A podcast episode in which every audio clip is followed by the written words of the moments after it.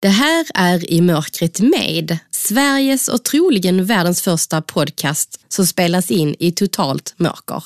Stort tack till vår samarbetspartner Svensk skrivtolkning som gör det möjligt för fler att ta del av I mörkret med genom att texta våra avsnitt. Textade avsnitt hittar du på vår hemsida imokretmed.se. Hej det är Ulf. Hej Ulf, det är Anna. Hej Anna. Hur är läget? Jo tack, jag tycker det är bra. Nu är det snart dags att köra igång igen med podden här. Ja men det ska bli jätteroligt, en ny säsong. Woo! Ja, visst är det härligt? Hur har sommaren varit? Jo men den har varit bra tycker jag. Bra väder och sen var jag bortrest en stund nere på, i en liten by på Kreta som jag brukar vara. Det var, ja, men det var härligt, det var en skön sommar hade jag. Hur, hur har din sommar varit? Bra tack. Jag har ju spenderat massa tid i vårt nya fritidshus. Och så har jag varit en sväng på Mallorca. Så jag är bara nöjd. Det är skönt att sätta igång nu. Och nu kommer ju vår första gäst. Ja, vem är det?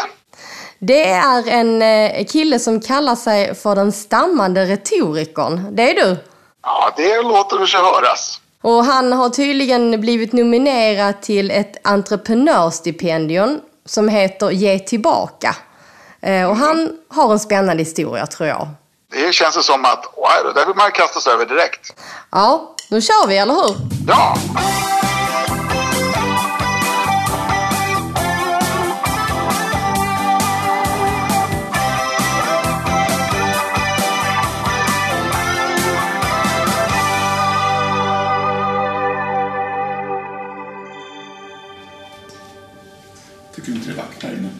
Jo, det är fantastiskt.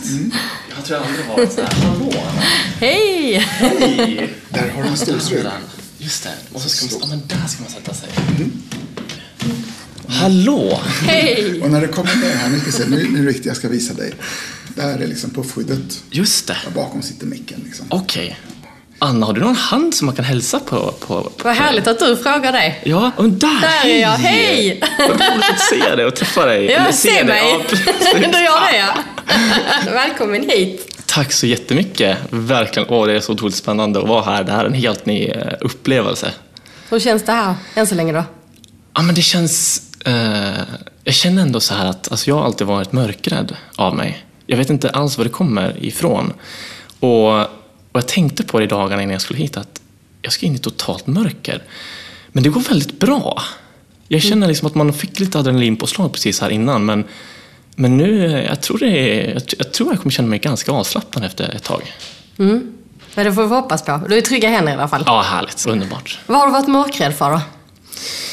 Eh, jag vet inte. Jag, minns, jag vet bara att det alltid har varit det. Och alltså, jag är fortfarande, jag är fortfarande löjligt mörkrädd.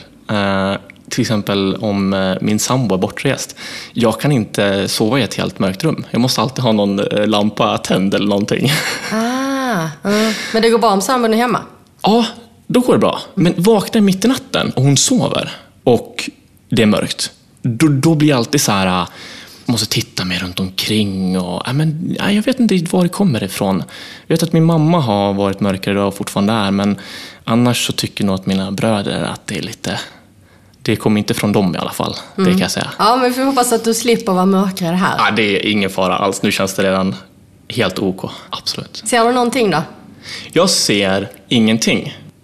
Jag, jag märker att ögonen, eller om det är hjärnan, som försöker leta desperat efter ljus. Och men där kanske jag såg någonting. Nej, det är som att de letar efter ljus. Och det är nog för att det är så mörkt. Så här mörkt har jag nog aldrig upplevt.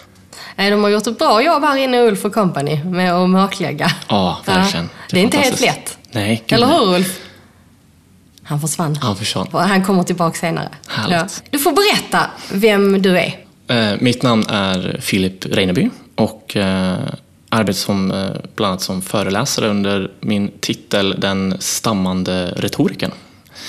Och eh, anledningen till den titeln är att jag dels lider av en per definition då, neuromotorisk funktionsnedsättning som påverkar signalerna från hjärnan ner till eh, musklerna som styr förtal. Vilket gör att om man stammar så lider man av ofrivilliga blockeringar och upprepningar av de ord och bokstäver som man vill säga. Och eh, med mycket träning så kan jag säga att det är lite av ett lyxhandikapp. För stamning är på något sätt någonting man kan träna sig till att kontrollera. Och sen är jag även utbildad inom retorik. Så av den anledningen så har jag tagit den lite underliga titeln. Ja, det är spännande. Det var Ja. så jag upptäckte det också första gången, tror jag, på LinkedIn. Ja, vad häftigt. För det stack ju ut. Ja, precis. Och det är eh, jätte, jättekul. Att, för det är verkligen många som tycker att det sticker ut. Det, är ett- det är en, en häftig titel och det är på många sätt det jag hade hoppats på. När jag valde att kalla mig det här så, så var det för att eh, belysa stamningen, bland annat. Ehm, Mycket inom mig själv sa att jag inte skulle ta den här titeln. Mycket de här negativa tankarna som man, som man har levt med under hela sitt, sitt liv. Som gjort att det här är ett väldigt tabulagt ämne att prata om, just stamning och den funktionsnedsättningen. Och då är det väldigt kul att få den responsen i efterhand, att man har gjort rätt val att, att gå ut med det på det sättet. Ja, det blev ju väldigt motsägelsefullt. Ja, det ska vi säga. Retorik är ju, i alla fall enligt antiken, då, konsten att tala. Och att då lida av en funktionsnedsättning som negativt påverkar förmågan att tala, det blir ju motsägelsefullt på ett sätt. Ja, det är spännande och vi ska prata mer Ja, om det häftigt, ja. alldeles strax. När trivs du som fisken i vattnet, Filip? Oj, på olika sätt. Alltså jag, jag kan trivas väldigt mycket med att vara själv, umgås med bara min sambo eller att vara i stora sammanhang med människor. Sociala sammanhang älskar jag. Jag är en väldigt pratsam person trots, trots eh, stamningen. Eh, Så det är nog det svaret jag får, får ge på, på det. Om du skulle berätta det bästa som hänt dig i ditt liv, vad skulle det vara? Det måste ju ändå vara eh, när jag träffade min nuvarande flickvän. För att eh, det, det har hänt så mycket i mitt liv sedan jag träffade henne. Egentligen allt det bästa som jag har gjort har hänt sedan jag träffat henne. Så det måste jag ändå ta och säga. Mycket fantastiska upplevelser och personlig utveckling på många sätt. När träffade du henne? Ja, eh, nu måste jag säga att jag inte säger fel här. Det var... Ja, men precis. Eh, jag tror det var annandag jul 2015. Vi träffades faktiskt, nu låter det här väldigt speciellt, men vi träffades faktiskt via den här datingappen Tinder. Ah, det går att träffa så Det alltså. går att träffa så. Och vi, nej, men vi träffades och jag skulle faktiskt åka till Kanada för jag hade en, en utbytestermin där när jag gick i retorikprogrammet då i Örebro. Så det var inte tanken liksom att vi kanske skulle träffas mer, men så träffades vi igen när jag kom hem. Vi höll lite kontakt när jag var i Kanada och, och så vart vi ihop nästan på en gång så fort jag kom, kom, kom hem från Kanada. Ja, vad härligt. Om vi byter perspektiv då, det värsta som hänt dig? Ja, det skulle kunna vara flera olika saker. Men det kanske vi kommer komma in lite senare på. Men, men jag blev eh, sjuk för ungefär två, två, tre år sedan nu. Drabbades av eh, depression och ångest. Eh, det var, hade väldigt, väldigt stor påverkan på mig och min familj bland annat. Och min, eh, min flickvän, som det var fortfarande Linnea då, som jag hade träffat då. Det förstörde så mycket. Nu, nu gick det bra, liksom. jag blev frisk och det, allt gick bra. Men vid tidpunkten så ehm, det fanns ingen livsnjutning. Ehm, och det, det var det som var, var, var, var det värsta. De, det var bara dåliga stunder under den tiden som jag led av det här.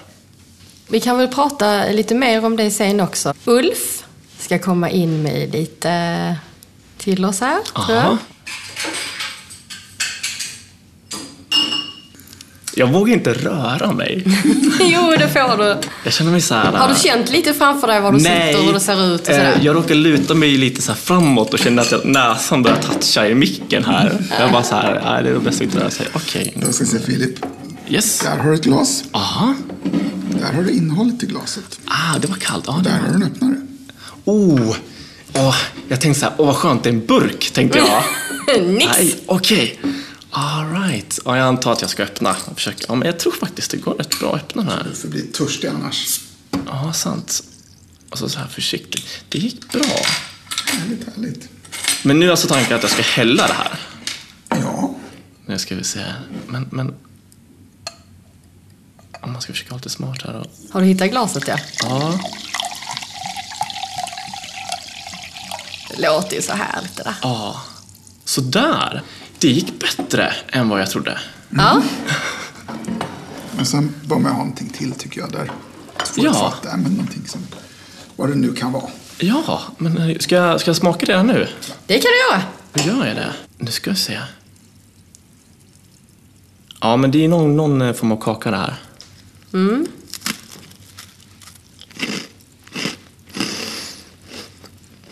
Mm, men vänta, det här känner jag igen.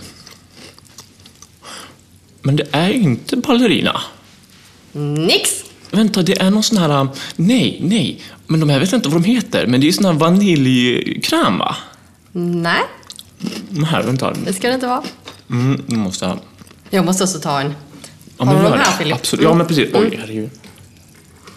Det är så lätt att sitta och få mig att vara kaxig när jag vet vad det är. Nu ska vi se. Var, var hade du skålen någonstans, Filip? Där, ska vi se. Jag har din hand här någonstans. Där. Där är din hand. Och så skålen där. Där ja. Då tar jag en också. Nej, men det är ju eh, jordgubbssmak, va? Ja, det börjar närma sig. Hallonsmak då? Eh, närma sig. Nej, men... Lukta på det. Nej, men den luktar ju nästan lite så här... Um, det känns inte så jobbigt. Man blir helt... Är det sån här... Uh, nästan lite så här uh, tuggummiaktigt? Någon slags uh, tuttifrutti? Nej, jag är helt ute och cyklar, va? Nej, det, alltså, jag, jag förstår att du tänker så. Det är eh, något som växer vid vägkanten ibland. Mm, smultron. Ja. Mm. Ja, men den borde jag faktiskt... Men den är nog nästan svårare att smaka. Ja. Doften var nästan tydligare. Mm. Vad roligt att få kakor. Jag älskar det. Mm, gör det? Mm. Jag bara äta. Oj, där finns ett helt paket. Nu tappar jag på Oj, golvet nu, här. alltså jag, slår, jag slår till den här micken flera gånger. Och så ska jag ta lite vatten också, för det var lite varmt ute idag. Jag kände att jag blev törstig. Har du... Eh, öppnaren? Ja, ja, men oj, så ska man hitta den här också. Vänta. Ja, vänta, där. För du har ett eget glas, eller en egen sån här... Jag Du- har eh, en egen flaska och jag har ett eget glas. Ja, men bra. Det är fuktigt idag så man är lite törstig. Det blir bra med lite dricka. Ja, ja men Mm. verkligen. Och du kom ifrån eh, Göteborg nu, eller hur? Jajamensan! Ja. Så att, eh, jag var faktiskt först och hälsade på min, eh, min bror har nyligen fått barn för andra gången. Så jag var och träffade en liten, liten knodd nu på förmiddagen. Vad härligt. Vi ska ju backa tillbaks i tiden tänkte jag prata om din Ja. barndom lite först. Ja. Eh, Men är du redo för att testa en, en sak till, Filip, innan vi gör det? Alltså jag blir nervös, men absolut. Vi För att kör. här i mörkret så testar vi ju alla olika sinnen. Mm. Så nu ska du få känna på en sak. Den kommer framför dig där. Okej, då ska vi se. Det är vid glaset. Ja, där nu ser jag. Precis. Ska vi se om du kan känna vad det där är för någonting. det, det är en dalahäst. Det är en dalahäst. ja. Alltså jag ska vara ärlig säga, jag kände på, nästan på benen direkt jag var där. De här Du benen. kan dina dalahästar. Ja, man blir lite sådär. Och det här är ju lite konstigt. Jag, jag äger ingen dalahäst. Vilket nästan är lite skam när man kommer från Dalarna. Man Ja. måste ju ha en dalahäst hemma. Ja. Men jag har faktiskt ingen dalahäst hemma. Men man är ändå väldigt van med att ha känt på de här. Ja, de är ju väldigt karaktäristiska. Vad roligt! Ja, ja, för som sagt, du kommer ju från Dalarna. Precis. Berätta om din eh, uppväxt. Eh, Uppväxt i Falun, i eh, ett område som heter Helsingberg och Humlebacken om man ska vara liksom väldigt noga. Vilket år är du född? 92, så jag fyller 27 i september. Och uppväxt med mamma och pappa och två äldre bröder som är sex och sju år äldre än vad jag är. Har väl många bra saker att säga om min, om min, min barndom och uppväxt. Eh, men men eh, det finns också en del, en del eh, mörkare sidor. Men om, jag tror det är psykologiskt. Man, man minns ju mycket dåliga saker som hänt också. Men min familj har alltid varit helt fantastisk och stöttat mig i alla lägen. Och, Vad minns du som var bra då? Men framförallt, eh, alltså vår familj, vi, vi har varit väldigt tajta. Mina bröder flyttade hemifrån när jag var väl en tonåring där någonstans. Eh, sen, sen när de flyttade så, så gjorde jag mycket, mycket utflykt med mamma och pappa. Jag och pappa, eh, jag satsade på en fotbollskarriär under ganska lång tid och då, då, då tog pappa alltid vi stack alltid ut tidigt på lördag morgonen och, och klättrade över staketet till, ett stort, eh, till en fotbollsplan. Och, jag var målvakt så han stod alltid och sköt på mig där på lördagsmorgnarna i diset. Mm. Och mamma var den som alltid tog ut mig. Vi åkte till Stockholm och gjorde sådana där utflykter och shoppade. Men om vi backar tillbaka till det här som du sa, tuffa grejer som man har en tendens att komma ihåg. Lite ja, mer? Ja, um, under många, många år i uppväxten så, så uh, skedde väldigt mycket mobbning i skolan. Uh, och det var framförallt under Eh, mellan och framförallt högstadiet. Och jag, jag har alltid haft svårt med kompisar. De, de, mina bästa vänner idag är faktiskt människor som jag lärt känna efter gymnasiet. Och, och det finns ju mycket mm, mycket saker inom mobbningen som, som, som har påverkat mig på, på ett sätt som jag önskar att det inte hade gjorts. eh, även efter den upphörde. Det var väldigt svårt. Jag hade vissa som var kompisar ibland, eh, som kanske inte menade att vara dumma. Och så, så var det väl någon person som, som liksom gjorde livet eh, förargligt för en nästan varje dag. Och sånt, och, sånt sätter ju sina spår, såklart. Och vad var det du blev mobbad för då? Alltså, vad, vad var det som hände? Alltså, stamningen har ju alltid varit att man fastnar på ord. Folk uppfattar det som väldigt komiskt och kan härma det. Och sen, eh, eh, mycket av det handlar om att jag bara var jag. Jag var, jag var väldigt pratsam. Jag var, eh, tyckte, tyckte om egentligen att ta plats ända tills man liksom märkte att det, det fick konsekvenser att man tog plats. Och så att jag var lång, jag var smal, alltid varit smal, haft ganska mycket komplex för det. Ehm, även, även i vuxen ålder. Eh, och, och, och sådana saker, sådana kommentarer och handlingar. Det, det, det finns en, en specifik händelse som jag minns så himla tydligt och jag liksom märkte också att det var inte bara att man blev retad utan det var ju faktiskt att man blev, blev väldigt rädd. För det var ju vissa gånger som man fick, fick höra eh, i princip att ingen skulle sakna en om, om man skulle dö. Sa de det till dig? Ja, det fick jag höra vid ett tillfälle och det, det, det, det satte sig otroligt starkt faktiskt. Just sådana saker, det, ja, det är alltid jobbigt att prata om det. Mm. Och jag, är lite, jag kan bli lite ledsen att det är sådana saker som, när man just nämner barndomen, att att sånt automatiskt kommer upp. För man, jag önskar att man kunde säga att man hade haft en, att det var helt fantastiskt man mådde alltid bra. Mm. Och min familj fick mig alltid att må bra. Uh, men, men just den där, de där sakerna som hände i, i skolan och med kompisar, det, det... Ja men det är ju klart, alltså det är ju, det är ju inte konstigt heller för man är ju en stor del av sin tid i skolan. Och, ja. och jag menar, förhoppningen är ju att man ska få kompisar där och tycka det är kul och, och så. Precis. Mm. Eh, det är väl en, en, en, sak i min uppväxt som, som, eh, som, man, som har påverkat den naturligtvis.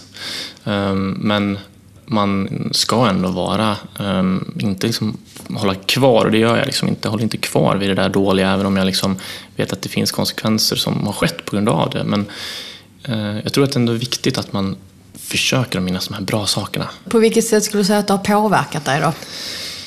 Ja, Um, vi pratade lite om psykisk ohälsa förut och det är faktiskt en, en, sak som har varit väldigt svår för mig att prata om öppet. Och jag har faktiskt aldrig pratat om det så här öppet som i en, i en, i en podd. Jag pratar mm. om det i vissa av mina föreläsningar. Men framförallt så har det påverkat mig att jag i vuxen ålder, där när jag var 24 år gammal, när jag drabbades av den här ångesten och depressionen, så fick jag veta, eh, när jag väl fick professionell hjälp och började liksom undersöka varför det här drabbade mig. För det var en tid då jag var till synes mm, helt fantastiskt lycklig. Jag hade mer kompisar än jag hade kunnat drömma om. Aha, jag jag hade precis träffat min fantastiska Linnea. Ehm, jag pluggade mitt sista år på programmet i Örebro. Allting var fantastiskt när det här drabbade mig från egentligen ingenstans. Och jag fick veta då att det var på grund av de elaka handlingar och kommentarer som, som hade skett 10-12 år tidigare. Det hade skapat en slags psykologiska hål i, i mig, fick jag veta.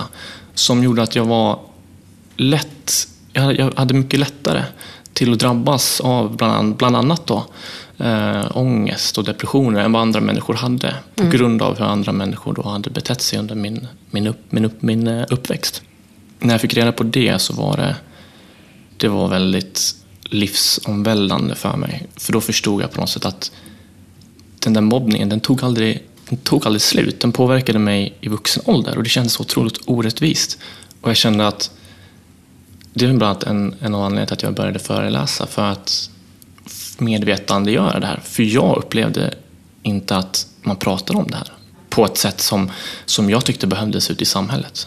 När du mådde så här psykiskt dåligt, jag kan tänka mig att det kom ikapp dig då? Ja, Någonstans. Absolut. Mm. Och jag kan känna igen mig i där jag förlorade ju min syn och i början så var det ju egentligen bara att försöka överleva och lära mig att läsa och Ja, men gud, ja. skriva på nytt och allt det där. Och många, många år senare, alltså saker kommer ju ikapp en. gud ja. Så Om man inte bearbetar det så är det ju, oavsett vad man är med, med om, tänker jag.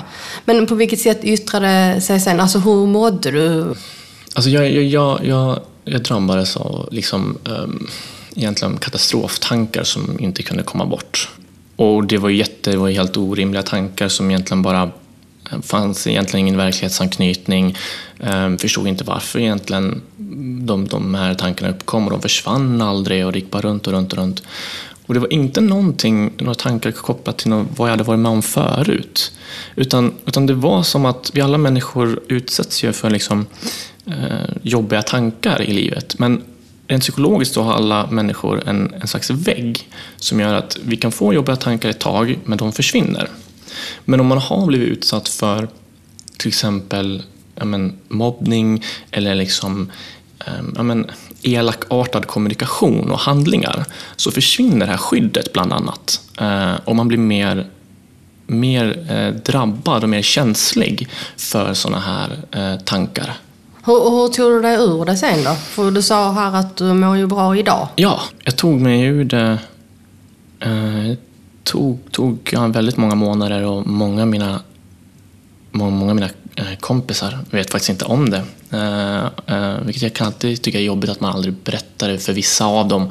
För att man skämdes. Psykisk ohälsa har ju en sån där tabustämpel tyvärr än, än idag. Och, och jag tog mig ur det genom att få hjälp. Jag, jag sökte hjälp flera gånger och, och till slut så, så fick jag liksom hjälp på riktigt. Någon som verkligen nådde fram och där vi kunde diskutera varför det här hände mig.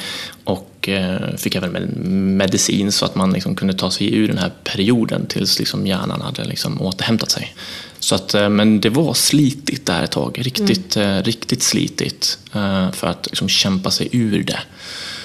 Men du sa att du hade kompisar som du inte berättade för som fortfarande inte vet om det. Märkte inte folk det då? Nej, man är ju...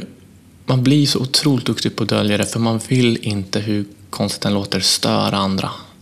Man vill liksom inte lägga sitt, sina problem på någon annan och så skäms man över att man mår dåligt över de här sakerna. Man tror att man tänker att människor kommer inte förstå det här och människor kommer tänka, tycka och tänka på olika sätt. Det är bättre jag är, tyst. Så det var ett långt tag som bara min, min eh, flickvän kände till det här. Det tog lång tid innan mina föräldrar fick reda på det. Det är ju liksom en sån här sak som, som jag, en, en, som jag liksom funderat på flera gånger att jag borde berätta det här för mina kompisar för det har varit en, så stor del som påverkat mitt liv. Men ehm, ja, nu kanske de får reda på det i det här Ja, jag sammanhanget. tänker nu har de här, ja. Men du det- pratar om det i dina föreläsningar? Ja, Och de har inte fått höra det där genom då? Nej, det är ju eh, väldigt få av eh, min, i, knappt min familj som ens hört mig föreläsa. Och det har aldrig varit någon till exempel så öppen föreläsning i, i närheten där, där, där de bor. Ja, jag tror bara det är min mamma som har hört mig sig med, och min sambo. Ja, men jag tror det blir lite så faktiskt. Jag tycker inte om det heller när de sitter och lyssnar. Nej, alltså jag, jag, jag, jag pratar hellre inför tusen personer än att Ja. mina bröder eller någonting skulle sitta i publiken. Det, det vore... Varför är det så, tror du? Jag att man känner så, inte. Ja. Man, jag tror man känner sig... Man går ju in i en roll på ett sätt. Och man agerar ju på ett annorlunda sätt. Och man, man, man är ju inte liksom Filip lillebrorsan. Ja. Så att jag tror att det, det är därför. Men eh, någon dag kommer det säkert ske. Då, då, då är det bara så. Men vad härligt att du mår bättre idag. Ja, men Ja. absolut. Det är verkligen inga... Annars hade jag inte kunnat gjort allting som jag, som jag gör. Men just den, den delen av livet är eh, någonting som jag bland annat, eh, när jag är ute och föreläser om, om eh, just hur vi behöver behandla varandra, så är det bland annat en del av, av anledningen. Som att jag berättar varför jag, varför jag står där på scenen. För att det här drabbade mig och det är ett med de här, de här insikterna eh, över hur viktigt det här är. på ett sätt är jag glad naturligtvis att jag har varit med om det. Det låter konstigt, men det är ju för att då kan man ju vara en del i det här budskapet som samhället behöver höra. Så är det. Och sen tänker jag så här, man ska kanske inte jämföra så egentligen, men att det är lite tuffare ibland när man är man. Ja. Att prata om känslor. Ja. Vad tror du? Absolut. Jag har ju börjat faktiskt, efter det här hände mig, eh, att prata med kompisar, eh, inte kanske direkt om det som hände mig, men att eh, när jag märker att kompisar i min omgivning, killar då, mm. äh, men det är något, de mår inte bra. Det kan vara ett förhållande har tagit slut, det, för de får inget jobb eller det är tufft i skolan, i plugget. Så, så, så brukar jag liksom vara så här, hur mår du? Här, du borde prata om de här sakerna och ibland så får man faktiskt få höra att nej men jag pratar inte känslor, jag är inte så som person av killkompisar. Då. Och då har jag sagt rent ut sagt, liksom att, eller jag har sagt liksom till dem att det, det är inte så bra. Du borde göra det. Ja. Du kommer må bättre. Och vad har hänt då? då? Har de gjort det då eller? Nej, en av mina kompisar har gjort det. Mm. Och, och han har liksom sagt att ah, men det är så skönt att kunna prata med dig för att du, du, man märker att du förstår och du, du uppmuntrar en till att liksom prata om känslor. Nej, men det är bra Filip. Det är bra också att du försöker få andra. ja, men det blir lite ja. sådär. Man, man blir ju väldigt eh, mån om eh, kompisar ja. och, och, så. Och de, då när man vet att om de börjar hålla inne med saker som jag gjorde som, så, så kommer man inte må, må bra. För att det som är jobbigt att prata om är ju det man mår bra av att prata om. Men jag tänkte när du var barn och när mm. du var så mobbad som du var. Mm. Eh, pratade du med någon och berättade du för någon då? Ja, min familj. Så att de har ju varit otroligt stöd. Utan de eh, hade man ju liksom inte tagit sig ur allt det där. All hjälp man fick av mamma och pappa. Eh, otroligt, otroligt stöd. Verkligen. Eh, de har ju betytt allt i det sammanhanget. Hur hanterar skolan det då? Till slut så satte ju mina föräldrar ner foten. Och då, då, då, då fick vi liksom eh, hjälp från skolan. Det eh, blev egentligen ett, ett möte eh, där man, där man liksom konfronterade eh, vederbörande och, och, och sa att vi vet att det här pågår. Det, det ska upphöra nu. Jag tror till och med att det var någon liksom diskussion som min mamma avfärdade, att man skulle dra in polisen i det där. Men hon sa liksom att nej, nej, nej, vi, vi, nu vet den här personen om att liksom, det, här, det här har hänt, vi vet att det händer och det ska inte hända något mer. Och, eh, och efter det så, så upphörde allting. Det är ju faktiskt väldigt skönt att höra, för ibland hör man ju, eller man har hört ganska många gånger att den som är mobbad får byta skola. Ja, det, jag, jag har tänkt på det när man själv får barn någon gång i livet. Alltså, jag är ju livrädd att mitt eget barn ska komma hem och säga sådana här saker. Mm. Att, man, att de har, får inte vara med och leka eller någonting sånt där och de är taskiga. Uh, så jag har ju verkligen haft lite så här skräckscenario om att man så här, ja, men om det händer då ska jag göra så här på det här sättet och det ska ske på en gång innan liksom, det blir värre. Mm. Så jag förstår dig, det, jag håller helt med. Jag har aldrig bytt skola eller någonting sånt men det, det finns naturligtvis de, de som tvingas att göra det för att skolan inte gör någonting. Ja. Det är ju, um, det är ju liksom det är ju promota att elakt beteende är, är OK. Och jag tänker också det handlar ju väldigt mycket också om man har turen att ha föräldrar som vågar sätta ner foten, som ja. dina gör. Ja, verkligen. Ja. De har varit sånt otroligt stöd. Och din mamma har sagt, Filip, du är viktig för den här världen. Eh, ja, det har hon faktiskt sagt. Och det har hon sagt vid mer än ett tillfälle. Och det sa hon faktiskt första gången jag liksom, ja men, eh, ja men när man mådde som sämst, när man var i uppväxten och tonåring och eh, liksom kom hem från skolan och det hade varit jobbigt. Så fick man liksom höra de orden. Och det, det är faktiskt någonting jag, jag liksom, verkligen som har fastnat. Att, att man liksom får höra av den personen man, man, eh, som betyder mest av allt i hela världen um, säger de orden.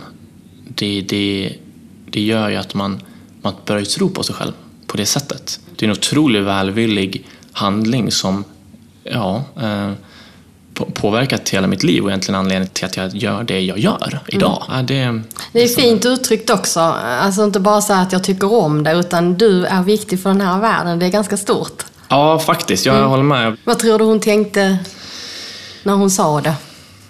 Jag tror att det har handlat om att hon har på något sätt sett någon potential i mig i att hjälpa andra människor. Kanske att, att göra det jag gör idag med att sprida de budskapen jag föreläser om och eh, hjälpa, Mm, ja, men hjälpa människor till ett väl, mer välmående liv, att ta sig igenom hinder, att, att, att, eh, att våga och, och liksom just det här med att ja, mycket av snällheten som jag liksom föreläser om att, att det är säkert en, en, någonting som hon kanske såg redan då.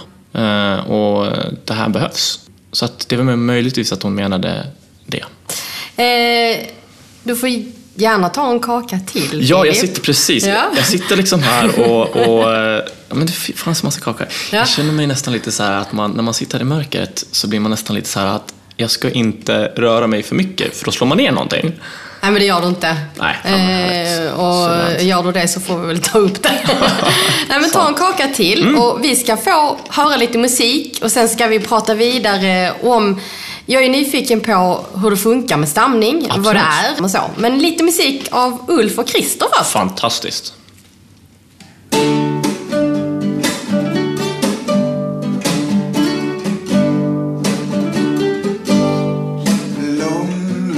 jag ber om ursäkt direkt om jag är krånglig och lätt defekt. Oj, oj, när du suckar så där kan jag förstå att jag är till besvär. Vet ej om jag störde din ro med mina tankar och mina behov.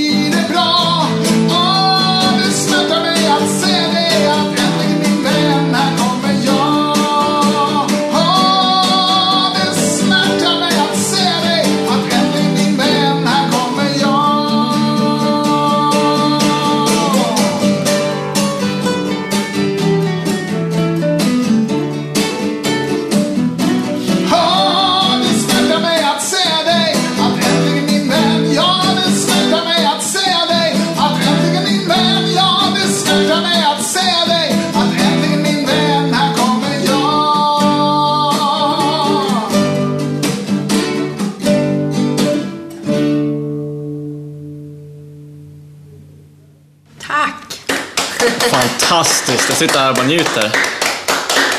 Vilken fantastiskt bra låt. Det var verkligen uh, power, måste jag säga. Tack. Jo, men jag tycker att det är en sån här låt som man kan skicka med folk så de får power. Ja, underbart. Ja, du kände så, Filip? Ja, man satt här i mörkret och i och med att man inte ser någonting så, så um, det, det, var ju det enda intrycket som hjärnan kunde ta åt och då var det nästan så att man såg um, Nej, jag vet inte. Man såg nästan sig själv lite så här uh, ut och ut och förändra världen. Då är väl lite det soundet i musiken på något sätt. Passande låt, för ja, det är det, det du gör. tack, tack. Ja, ja. Jo, men det, det, är en förhoppning. Absolut. Eh, du berättade ju lite i början här eh, mm. vad stamning är. Kan ja. berätta Under många, många år, egentligen större delen av mitt liv, så har jag inte vetat vad stamning är. Ehm, och, och tänkt att jag inte har fått höra Ehm, jag har familjemedlemmar som har stammat och stammar och det finns en 70% ärftlighet i stamning. Ehm, men rent liksom så här, äh, vetenskapligt så är det de, det skydd som omgärdar nerv, nervtrådar och nervsignaler kallas för myelin. Det, det finns som äh, hack i det. Och just med de signalerna som går då från hjärnan till, till eh, musklerna som styr för, för, för tal. Och det är de då, när det blir de här hacken, eh, det är då som man får de här eh, blockeringarna. Eh, man kan också få förlängda o, eh, bokstäver som studerar kan man få. Jag stammade lite då. Jag sa det ordet och det kan till och med yttra sig i ren tystnad. För att man blir så bl- bl- blockad i sitt tal. Ja, det här yttrar sig på väldigt många sätt. Väldigt individ, liksom på individnivå. Det finns, jag brukar inte säga att det finns ett, ett botemedel. Jag har hittat mer än ett dussin tekniker som jag använder mig av som fungerar för att hantera min stamning och kontrollera den till så pass mycket att folk säger att men du stammar ju inte. Och det är en lyx naturligtvis. Men det har tagit otroligt mycket träning och år av utmaningar för att komma till den punkten. Jag har ju tänkt innan att eh, folk som stammar att det är för att de är nervösa. Det är klart att Precis. det påverkar väl såklart, som, som allting gör så. Sorry. Eh, men, men det är alltså, det finns liksom en biologisk förklaring till att det är så. Ja, precis. Och det är ju en av anledningarna till att jag har valt den här titeln, den stammande retoriken, för att också eh, få människor att förstå vad det egentligen är. För att det är så mycket människor som lider av det här. Där det är så mycket missförstånd och oförståelse från samhället att de har problem att få, få jobb, de blir utanför i skolan. Alltså det har sån negativ påverkan på deras liv för att det är ett sånt dolt hand, handikapp. Och vad är det för missförstånd som... som eh, Folk tror att det har att göra med att de är nervösa och att det är ju det som är lite jobbigt med stamning. Att det finns ju en viss, det är hemskt att säga och eh, respekt för alla som tycker att det här är någonting som kanske inte är så bra för mig att säga, men det finns en viss komik i att stamma på gott och ont. Det kan låta lustigt. Det kan låta konstigt. Och det här kan ju människor skratta åt, eh, fastän de kanske inte menar det. Och det gör ju att man inte tar det på allvar som en funktionsnedsättning. Du skulle aldrig skratta åt någon som haltar. Aldrig åt någon som sitter i rullstol. Nu vet jag inte om du har hört någon som har skrattat åt dig för att du är blind. Det kanske har hänt. Men det, är ju, det sker. jag tror inte det. Nej. Ulf, har du upplevt det någon gång? Det sker nästan varje dag för människor som För, för stammar. jag, tänk, jag tänker så här... eh, Jag kan ju ha gått in i saker och så här. Just det. Ja, eh, Men då ser de kanske att du är blind ja och... jag tror nog att folk mera tycker att det är jobbigt. Ja, alltså förstår ja, men du? precis. Ja, än att de skrattar åt det så att säga. Ja. Jag tror det. Vad säger du Ulf? Alltså, det är klart att det finns några enstaka stunder, precis som du säger, när, vi, när, det, när det blir väldigt knäppt på grund av, av eh, funktionsnedsättningen. Jag vet en gång jag stod mitt i en, en plantering och då det är liksom, ja men det är svårt att inte skratta åt Ja. planteringen där jag Ja. stod mitt Ja. bland taggbuskarna. Liksom. Det, det är klart att vi båda skrattade åt det, men de skrattar ju inte åt min blindhet för att taskiga Nej. på något sätt. Utan Nej. Ja, ja. Och det, det är tyvärr något som drabbar människor som stammar. Och det är också en försvarsmekanism. För att till exempel om man står och pratar med en person som stammar, då oftast människor börjar liksom titta sig åt sidan, bli väldigt obekväma. Och en försvarsmekanism hos många människor är att man, det finns sådana saker som man, de kan säga men vet du inte ditt eget namn? Eller liksom, eh, oj vad nervös du är, eller någonting sånt. Ah. Och det, när man lider av det här och bara nej, jag, det är en funktionsnedsättning. Det råder så mycket oförståelse där ute i samhället så att om människor fick veta vad det är, hur, det ska, hur man ska bemöta de här människorna som stammar och att på något sätt det är därför jag inte gillar, jag har tagit titeln den stammande retoriken, men just ordet stammar har för mig en alldeles för neutral klang. Och det är därför jag använder just att det är en neuromotorisk funktionsnedsättning. För att skapa större förståelse för vad det faktiskt är och vad det innebär. Hur önskar du Mm. då att eh, personen skulle bemöta dig då? Framför allt så handlar det om att inte döma. Inte... ehm, om en person stammar väldigt, väldigt mycket, alltså, vad, alltså man, man agerar som vanligt. Lugn, Fyll inte i ord. Det har, har jag ju märkt att en del vill göra. Jag har hört det tidigare att, att man inte ska göra det. Nej, eh, jag personligen är helt okej med att man fyller i ord. Om jag fastnar på något ord, jag stammar ju mycket mer hemma med min sambo än vad jag gör ute, för då tänker jag inte på några av mina tekniker. Ibland kan jag stamma så pass mycket att hon bara, men du, så här, skärp till dig nu liksom. Eh, och det säger hon inte i elakartat. Ja, men man vill få flyt i en konversation. Men, men då, då, då, eh, då kan det liksom vara att, att eh, hon fyller i ett, ett ord som jag fastnar på. Och jag kan helt enkelt säga, jag kan säga tack. Och så kan man bara fortsätta. Eh, Men det är väldigt individanpassat. Så jag skulle säga att generellt sett, fyll inte i ord. Vänta tills personen har pratat klart. Men i mitt fall så gör jag det så pass lite att jag hade ett samtal med, i höstas med en person som jag ringde och eh, presenterade mig, eller skulle presentera mig, men jag sa, det blev ungefär så här. Filip vart det ungefär när jag skulle säga mitt namn. Och den här personen visste inte vem jag var och reagerade egentligen bara med, jaha, behöver du tänka efter vad du heter? Äh, sa personen det alltså? Ja, precis. Eh, Och det här var en person som leder en väldigt framgångsrik organisation i Sverige. Eh, Jag tänkte att jag ska liksom inte reagera med ilska eller någonting, utan då var det helt enkelt så att det tog en, jag för- förklarade vem jag var, varför jag ringde, och så frågade personen, ja men vad är det som är så speciellt med, med dig då? Och då säger jag, ja, jag lider av en neuromotorisk funktionsnedsättning som påverkar min förmåga att tala och det gör bland annat att jag fastnar på mitt namn. Den tystnaden jag möttes av. det var liksom, jaha. Alltså det var som att man hörde, och jag sa, nu får jag rädda den här personen lite grann. Det är helt okej, jag förstår liksom. Ehm, och så, och jag, jag gör de här sakerna, så här, och då kunde man gå, gå vidare Ja. i samtalet. Men alltså, han skämdes något så Ja. fruktansvärt. Jag heter Linus Martinell och det är jag som textar avsnitten av I mörkret med. Jag arbetar på företaget Svensk skrivtolkning som inkluderar genom text. Skrivtolkning är en tillgänglighetstjänst för personer med nedsatt hörsel som innebär att man får det som sägs textat i sin mobil, dator eller läsplatta. Vi på Svensk skrivtolkning levererar skrivtolkning, live-undertextning, undertextning och transkribering till flera av Sveriges ledande organisationer. Vill du veta mer? Gå in på vår hemsida www.skrivtolkning.se Textade avsnitt av I mörkret med hittar du på www.imorkretmed.se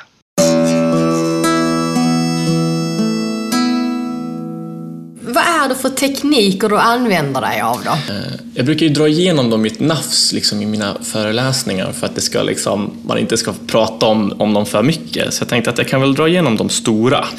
Bland annat sättet som jag sitter på nu, kan komma in på lite senare, är helt avgörande för att jag ska kunna hantera min stamning. Jag sitter väldigt rak i ryggen. Vilket vi alla borde göra Ja, men egentligen. precis. Ja. Exakt. Mm. Men, Nu, Ja, men precis. Satte jag mig så automatiskt. men det som jag måste ju börja med att göra varje gång jag pratar, varje gång jag säger ett ord så måste jag optimera min andning. Det vill säga jag måste göra det så, som, få in så mycket luft som möjligt och andas så mycket med magen och diafragman som möjligt. För att få in så mycket luft som möjligt så att min kropp blir så avslappnad som den bara kan bli. Där så sänker jag hakan för att förkorta mina stämband så att de också blir så avslappnade som möjligt. Det här är också att jag får en mörkare röst, vilket också underlättar. Sen börjar jag artikulera och betona på konsonanter, ha mjuka övergångar på vokaler, använda strategiska pauseringar, ibland harklar jag mig, stannar upp och allt detta med egentligen gester och kroppsspråk som gör att man hjälper talet framåt. Det är väl ett ihopplock av det som jag använder mig mest av allt hela tiden. Och hur lång tid tog det att lära sig allt det här? Jag har ju strävat att träna upp det här i flera år. Min mamma eh, har också stammat. Eh, hon säger att hon stammar än idag. Jag hör, hörde aldrig. Det hon lärde mig, det var andningen. Så den har jag tränat på otroligt många år, att få in den i alla situationer. För att vi människor andas framförallt mest med bröstet. Men när man gör det så får du ibland bara som, lite som en tredjedel av fulla lungkapaciteten. Och det gör att vissa stresshormoner kan stiga. Och när de här stresshormonerna stiger så bland annat så drabbas man av stammar då av, av ökad, eh, ökade blockeringar eller ökad risk för, för upprepningar och blockeringar. Hur mycket energi tar det då att eh, tänka på de här teknikerna som nu när vi sitter här? Det tar mycket energi, det gör det. Men framför allt så har jag automatiserat så många av teknikerna att Det den, sitter... där, den sitter så mycket i ryggmärgen. Men det tar lång, lång tid och mycket utmaningar. Det går inte att träna på de här teknikerna utan att utmana sig själv. Den kombon måste du ha. Och det är just utmaningarna som det är många som har svårt att våga ta sig an. Ja, för jag tänker just vad skulle du vilja säga till de som lyssnar på det här och som stammar och som skulle vilja göra något åt det? Framför allt att jag tror att det med de här teknikerna är möjligt för vem som helst att få ett bättre flyt i sitt tal. Det, det sätter ett stort hinder i livet, men det behöver inte vara så. Man kan med, om man vågar ta sig an de här utmaningarna och vågar gå igenom ganska tuffa perioder, för att när man utmanar sig så kommer det att bli väldigt jobbigt. Men det är så mycket som är så värt på den där andra sidan. Jag har alltid drömt egentligen. Jag har alltid haft de här tankarna om att, om att bli en föreläsare innan jag ens blev det. Men naturligtvis tänkte man att stamningen skulle inte tillåta mig att bli det. När man vågar utmana sig själv och ge sig tusan på att träna på de här teknikerna hela tiden, fastän det i början tar så otroligt mycket energi, det är otroligt värt det. För man får en, jag tycker man får en helt annan livskvalitet. Bara en sån sak, jag läser mycket om människor i de här stamningsforumen på Facebook, bland annat människor som går på arbetsintervjuer och bara blir totalt nobbade fast de kanske är perfekt för rollen för att de stammar. Och en sån situation är ju, då är det bra att kunna välja att kunna kontrollera sin stamning. Sen kanske man känner i sammanhang med, med vänner att nej men där, där kan jag stamma, behöver inte tänka på de här teknikerna. Men att just kunna välja att ha flyt i sitt tal, det tror jag är en otroligt stor frihet. För att det gör att man, det underlättar många situationer som till exempel många som undviker att dejta. För att, vad ska den här personen tänka nu när jag går fram och pratar med han eller hon och så fastnar jag på varenda ord. De kommer tycka att jag är knäpp och vill inte stå där och prata med mig. Tänk om jag kan få välja att inte stamma nu och visa den här personen sen att jag gör det. Men sen finns det de som är helt okej med att stamma och de tycker att alla andra borde anpassa sig och det tycker jag är helt ok. Alla människor borde kunna anpassa sig till människor som stammar. Men för mig har det i alla fall betytt mycket att kunna välja att inte stamma. Men hur kommer det sig då att du började ägna dig just åt retorik? Ja, det är ju en jättebra fråga för att det går helt emot vad jag är uppväxt med, liksom, eh, med att ha svårigheter att tala, även om jag är en väldigt extrovert och pratsam person. Nej, men anledningen till att jag började plugga retorik var att eh, min bror ringde mig våren 2014 och sa, jag jobbade då i Örebro och han sa, men du ska inte plugga någonting till hösten. Nej, vad ska jag plugga? Um, ja, men sök något program och kolla om du kommer in. Och så var jag hemma eh, över en helg med min mamma, satt och gick igenom alla program och så helt plötsligt säger hon Men du, retorik kanske är någonting för, för, för, för, för, för dig. Och jag, ja, ja, kanske det. Vad är det liksom? Ja, det är väl, jo, jag tror jag vet vad det är. Och sen så satte jag det som etta och kom in på hösten. Och sen så insåg jag att det här var ju roligt. Jätteutmanande naturligtvis. Vi hade ju varje fredag i ett halvår um, skulle man hålla två minuters tal inför sin klass. Och jag minns liksom ett tillfälle då vi skulle hålla ett tal och jag, jag ändrar någonting i mitt tal precis innan jag ska gå upp. Och det blir sån katastrof. Jag tror att jag aldrig har stammat så mycket i hela mitt liv under de två minuterna. Det var helt fruktansvärt. Och, och efteråt man såg hur publiken led med mig och det var liksom... Åh, det var så fruktansvärt jobbigt. Och då någonstans kom jag ihåg att jag tänkte så här, varför gör jag det här? Varför utsätter jag mig för det här? Ja, varför? Ja, nej, jag, jag, jag, jag trivdes oerhört bra med det. Och det var väl ungefär ett år in i utbildningen som jag började ramla över motivationsvideos på Youtube. Jag fick en bok av min mamma, kommer jag ihåg också, från en, en, en, en, en föreläsare som, där han pratade om att utmana sina rädslor. Och, och så skrev, så fanns det så här, i boken, han berättade sin story, och så fanns det så här, berätta vad du drömmer om. Och jag, jag bara skrev ner att föreläsa, komma ut på skolor och dela typ de här budskapen. Och det var någonstans där som den här idén med att liksom börja föreläsa och att fortsätta plugga retorik.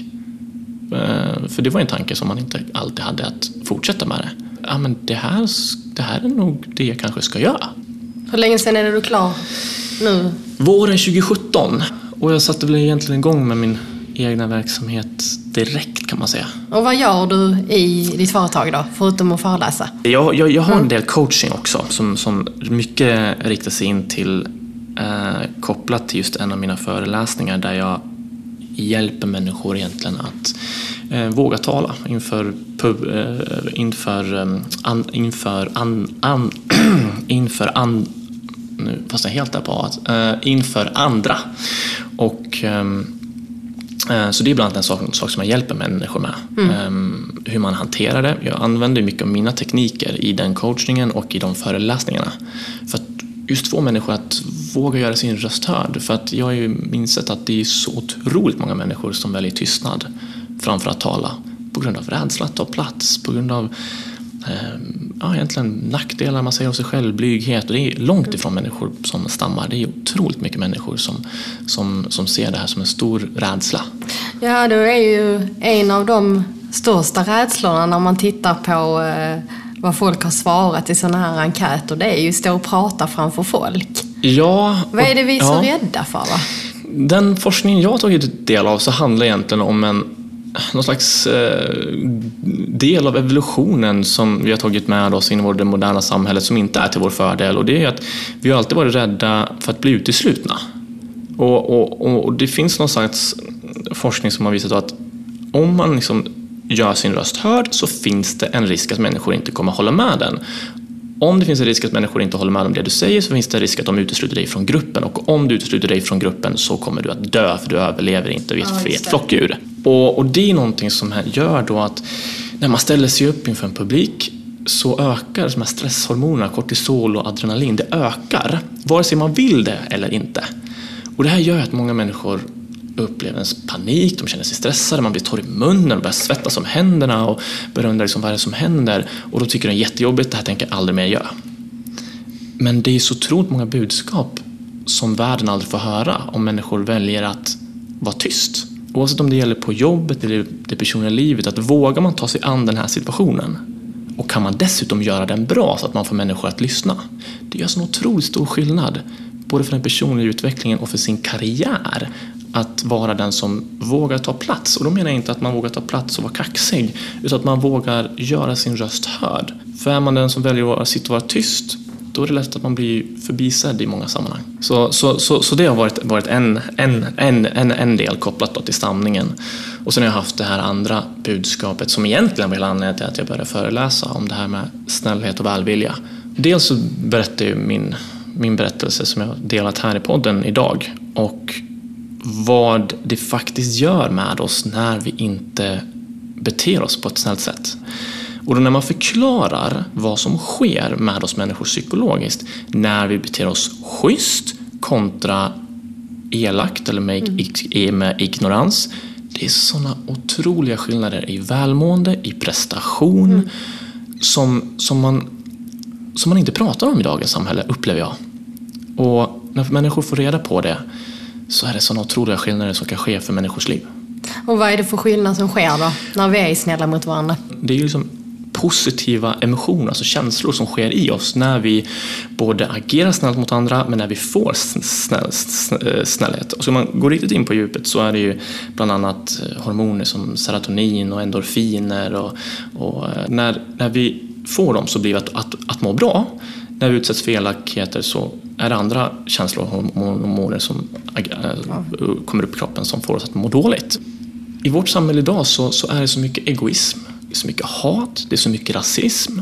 Och jag är helt övertygad om att det är en stor anledning till att människor går runt och mår dåligt. Mm. Presterar sämre i sitt liv, på sitt arbetsplats, till att relationer inte fungerar. För att vi inte är medvetna om vad det psykologiskt gör med oss när vi inte är schyssta. Och det är en sån där sak som att, att bara medvetandegöra det tycker jag är otroligt stor skillnad för många människor. Att okej, okay, att jag kommer hem och beter mig på det här sättet eller att jag beter mig på det här sättet mot mina arbetskollegor. Ja, det är därför vi kanske inte får det resultat vi vill ha. Det är kanske därför vi inte mår så pass bra. När jag fick reda på att min psykiska ohälsa var kopplat till vad, vilket beteende människor hade haft mot mig för 10-12 år sedan det, det, var, det var revolutionerande. Det var sån, var sån otrolig liksom, insikt i hur viktig den snällheten är. Jag, jag kan verkligen förstå det. Och jag tänker det är så många arbetsplatser man hör också idag där man, många går runt och mår väldigt dåligt och man klagar på allt och alla och Eh, det blir ingen bra stämning och det blir bara värre och värre och folk slutar. Och det är ju väldigt onödigt. Jag tänker, vi bor ändå i Sverige. Vi, har, vi bor i ett fantastiskt land. Vi har inget krig här. Och vi har ju pratat en del i podden tidigare om det här med hat och hot och var kommer allt det här hatet ifrån när vi egentligen har det så bra? Jag tror att det handlar mycket om att, att det, det, det är en, en, en sån klassisk rädsla för det annorlunda, för det okända. Avundsjuka och svartsjuka kommer alltid finnas. Och, och det är ingenting man kommer un, eh, un, un, undan. Men det är när vi agerar på de sakerna. Att vi ser att någon människa tar för sig och hörs och syns. Så blir det naturligtvis att ah, jag borde också ta för mig. Ah, fan, varför tar, tar den personen för, för sig? Och man liksom börjar få en, en bitterhet. Det är otroligt mycket bitterhet i, i Sverige mot andra människor och att andra människor är annorlunda. Och till exempel homosexuella, varför ska de ha sin egen parad? Och om man skyller på att ditt eget liv inte ser ut som det är för att invandrarna har kommit eller någonting mm. sånt där. Och, och man, och man, ska, man sätter sig inte allt, man ser inte alls något i något annat perspektiv än, än sitt eget och de kommer hit och förstör och man vägrar se att de har flytt och hur, vad de har levt för liv och hur kanske ett elakt beteende i deras hemland påverkar dem i Sverige. Ehm, jag, jag tror liksom att det är enkelt att hata och vara, e, e, e, och vara elak. Det är svårt och ansträngande att vara snäll. Och jag tror helt enkelt att mycket handlar om lathet. Vi, vi, vi, vi i Sverige är så vana med att vi har det så bra att vi, vi är så lata och eftersom det är lätt att agera på negativa känslor så låter vi dem ta över. Hur kan vi förändra det då, tror du? Bland annat eh, genom att bara medvetandegöra sådana här saker. Att, Som snällhet och hur viktigt det är? Och... Ja, och framför uh. allt motverka alla fördomar ja. det finns mot snällhet. Det är ju en sån här klassisk grej som jag brukar göra på vissa av mina föreläsningar. Att jag ber folk att bara i publiken så här, ropa ut alla negativa synonymer ni gör till, till, till eh, snällhet. Ja, till exempel, ja, folk ropar ut ja, det är mesigt, man blir överkörd, ja. man är för snäll. Och jag bara så här, ja, det där är helt fel. Det är en fördomar vi har fått. Snälla är korna i hagen också. Ja, men precis liksom. Det går snabbare att få resultat. Vi kommer snabbare framåt i livet om vi slår oss fram med armbågen och är egoister och inte tänker på alla andra de, de människor som, som gör så, att de slår sig framåt och är elaka mot människor ändå når, når toppen, är fullt möjligt. Men tvivlar på att det är de som vinner i slutändan när det kommer mm. till eget välmående, till att ha bra relationer ja. runt omkring sig. Jag, jag, tror verkligen inte det. Nej, men det, jag håller med dig om det. Vi ska eh, avrunda med yes. snabbfrågor. Okej, okay, vad ja, yes. spännande. Eh, te eller kaffe? Filip? Kaffe. Chips eller smågodis? Smågodis. Spara eller spendera? Oj, oj. Eh, jag tycker inte jättekul att spara, men jag ska börja bli bättre på det i framtiden, så jag säger spara. Okej. Okay. Mm. Eh, hemmakväll eller utekväll? Åh, oh, gud, det beror på. Uh, jag säger ut ikväll. Jag älskar ju att umgås med människor, och, men de här hemmakvällarna är, med sambon är riktigt bra de också faktiskt. Ja. Prata eller lyssna? Prata. Jag borde bli bättre på att lyssna. Det borde jag verkligen bli. Uh, mycket som går in och går ut genom öronen, men det är ändå prata som jag föredrar. Barn eller vuxna? Vuxna. vuxna. Kött eller grönsaker? Kött. Politik eller underhållning? Underhållning. Politik är viktigt, men, men äh, ja, det är, jag för ointresserad och det ser jag inte på ett, att jag är stolt över det. Jag borde bli mer intresserad av politik. Så, men, men jag, jag är ju journalist och jag skulle nog också säga underhållning. Ja. Eh, jag tycker att det är roligt med underhållning. Ja, det så, och det är, på tal om det här liksom att man hör ju väldigt mycket negativt i media, i politik. Alltså, det är inte så upplyftande. Det, det gör mig ganska nedstämd ibland. Ja. Så jag behöver det här äh, med underhållning, känner jag. Ja, ja men jag mm. håller helt med. Eh, händig eller tummen mitt i handen? Du skrattar? Ja. Varför det? Alltså jag vill ju få mig att tro att jag är händig alltså, men det, nej det händer, det, nej, Är jag du inte? Nej, tyvärr, jag är inte händig. Jag ska inte lura mig själv. Eh, Jag, men jag skulle säga att jag skulle föredra att vara händig, men det är jag inte. Nej, men du är bra på andra saker. Ja, så är det naturligtvis. Är du en dreamer eller en doer? Både och. Läsa eller skriva? Skriva. Och så sista, ljus eller mörker? Men, oj vad svårt. Ja, men, det här mörkret som jag haft idag har ju varit helt fantastiskt och man har fått en helt ny insikt i din värld och den här världen och alla sinnen. Men ljuset måste jag nog ändå säga att det är det man föredrar faktiskt. Men Så hur tycker du det har varit här nu? Jag blev helt förvånad när du sa att vi skulle avrunda. Eh, jag vart så här, gud vad trevligt det här var. Oj, kan vi prata? Och bara, jag tyckte det var jättefantastiskt trevligt att få komma hit. Och jag tror jag har jag tror jag har glömt av att vi sitter i mörker. För att min, man har, när, när vi suttit och pratat så har man liksom börjat få upp bilder som man inte alls skulle fått i huvudet eh, av det man pratar och, be, och be, berättar om som jag inte skulle ha fått om jag såg, för då hade jag fått massa andra intryck.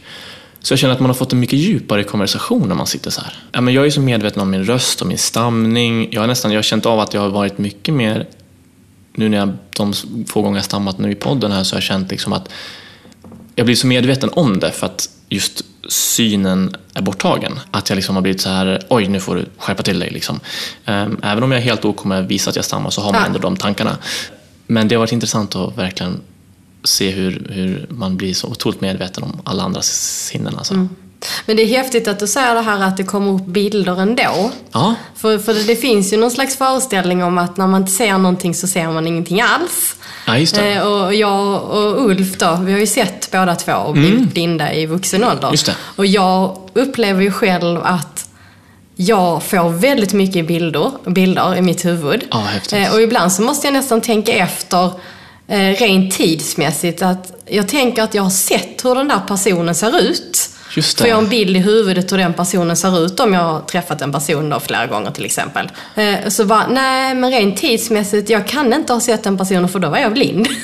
Vad häftigt! Ja.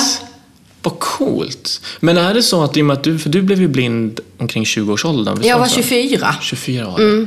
För jag tänker mig liksom att du, om man är född blind, då, då är det väl egentligen omöjligt att veta hur världen ser ut. Men i och med att du har sett under så många år så tänker jag att du borde kanske, det kanske, är det till din fördel tror du att du blev blind, om man ska se det i det perspektivet då, att du blev blind i Ja. vuxen ålder? Eh, nu, nu pratar jag ju för hur jag känner. Precis. Alltså, för det här är ju absolut inget, det är som, som du pratar om din stamning, att det är ju olika hur man vill ha det, hur man känner kring det och sådär. Exakt. Men jag, jag ser ju fördelar med det på så vis att jag, jag vet ju hur saker och ting ser ut. Alltså för en seende person. Exakt. Sen så skulle jag ju säga att man ser ju säkert på ett annat sätt när man aldrig har eh, sett. Alltså det är ju mer kanske känslor och dofter och hur ett äpple känns till exempel. Och så här. Alltså det är kanske inte visuella bilder på det viset. Det kan inte jag riktigt svara på för jag har ju som sagt eh, varit seende. Men sen saknar jag ju att inte se. För jag vet ju vad jag har förlorat. Ja, jag. Och världen är ju inte uppbyggd efter personer som är Nej. blinda. Nej. Här inne är vi ju nu i totalt mörker. Det här är ju min vardag. Så att skulle du och jag resa på oss nu så skulle ju du få det besvärligt. Det Ja. skulle ju bli du som blev funktionshindrad Ja, här. Medan här är ju liksom piece of cake for me. Nej, Alltså, men jag är så impo- imponerad alltså, av, av dig. Och, jag, menar, jag kommer ihåg när vi träffades en snabbis på, på eh, det här eventet i, i, i våras. Eh, du var ju en sån person som jag hade följt tidigare i och med att eh, du hade också en funktionsnedsättning och föreläst. Och jag kommer ihåg att när jag såg det, jag varit så här, du vet när man ser en person som man har varit inspirerad av. Man blir så här, oh shit nu vart det jobbigt liksom. Så här. Och, och jag gå så här, ska jag gå fram nu? Nej, nej, vänta lite. Så här. Och nu var det så? Ja, det var faktiskt Nej, så. men vad roligt, att- var- jag, tänker jag. så det var ju så där jag satt där, så bara, men nu måste jag säga någonting liksom, och Ja. liksom berätta att ja, men jag, jag, jag, jag delar dina, dina känslor, även om det är på ett annat sätt. Jo, men jag kommer ju så väl ihåg när du kom fram och det är ju väldigt roligt att höra när man har inspirerat någon annan, det vet ju du med. Ja. Och jag menar, du inspirerar mig ju jättemycket nu också roligt, idag tack. med din historia. är. Ja, men det är intressant, jag tänkte bara kommentera det du sa att världen inte är uppbyggd för människor som är blinda. Mm. Jag känner ju också så att men, mm, världen är ju inte uppbyggd i och med att vi, vi är verbala varelser och pratar hela tiden. Och att det är väl samma sak om man sitter i rullstol eller någonting. Att världen, jag tror världen skulle behöva höra lite mer från människor som är funktionsnedsatta och anpassa sig lite. Och det handlar ju om det här med, som du sa förut, att vi behöver höra fler olika perspektiv. Ja, jag tror det är viktigt. Du ska få skriva i vår gästbok. Jaha du! Ja, här i Oj. mörkret. Okej, du, då ska Då ska vi se om vi hittar varandra Ja. mellan kakor och Ja, det, glas och vi där. Så, där. har du en penna. Ja, men du, nu hittar vi. Och spetsen ska vara ute. Och Ja, just känner du boken där. Ja, men precis. Det. Ah, vad och så smart är det de på, vad blir det från dig? Höger sida måste det bli på ditt håll. Eh, Ja, just det. Precis. Där kan du skriva hur du vill, på längden, bredden, vad du vill skriva. Men gud, jag ska ju... Jag ser ju. Ser du inte? Och, alltså, jag, och jag har såna, jag har sån jättedålig handstil när jag ser vad jag skriver. Nu kan du skylla på att det är mörkt i alla fall. Ja, precis. Då, då ska vi se här. Jag hoppas att det blev bra nu. Så vi så, och så gör vi... Där var en Filip? Ja, precis. Det var, det var fint. Aj, ja, det, ja, gud, jag tror det där blev... eh, Du kan få kika på det ut i ljuset sen. Ja, och då se vad det står. Ja. Vad skrev du? Eh, Tack för allt, skrev jag. Och så min un- un- underskrift. Tack själv, Filip. Fantastiskt att få komma hit. Jag är otroligt ärad. Och mycket inspirerande att höra dig och lycka till med ditt fortsatta arbete. Ja, men tack detsamma. Tack. Ulf och Christer.